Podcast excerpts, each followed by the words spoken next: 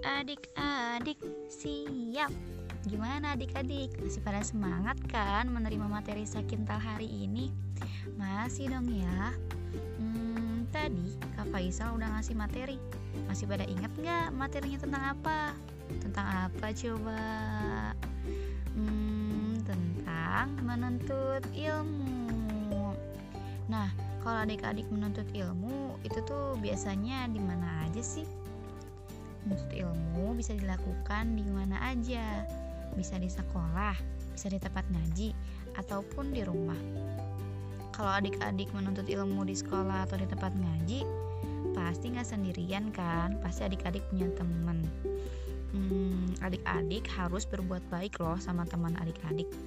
Kenapa sih kak harus berbuat baik? Untuk menjawab pertanyaannya, kakak punya sedikit cerita nih um, sebelumnya adik-adik tahu nggak contoh berbuat jahat itu apa? Contohnya misalkan ngejailin teman. Nah kalau misalkan nih adik-adik dijailin sama teman, adik-adik suka nggak? Enggak kan ya, nggak suka. Nah, kalau adik-adik nggak suka dijailin, adik-adik juga jangan ngejailin orang. Itulah kenapa sebabnya kita harus berbuat baik sama teman. Terus nih ya, selain kita harus berbuat baik sama temen, kita juga harus pandai-pandai mencari temen. Kita harus berteman sama teman yang baik. Kenapa sih kak kita harus berteman sama teman yang baik? Kakak ada cerita lagi nih.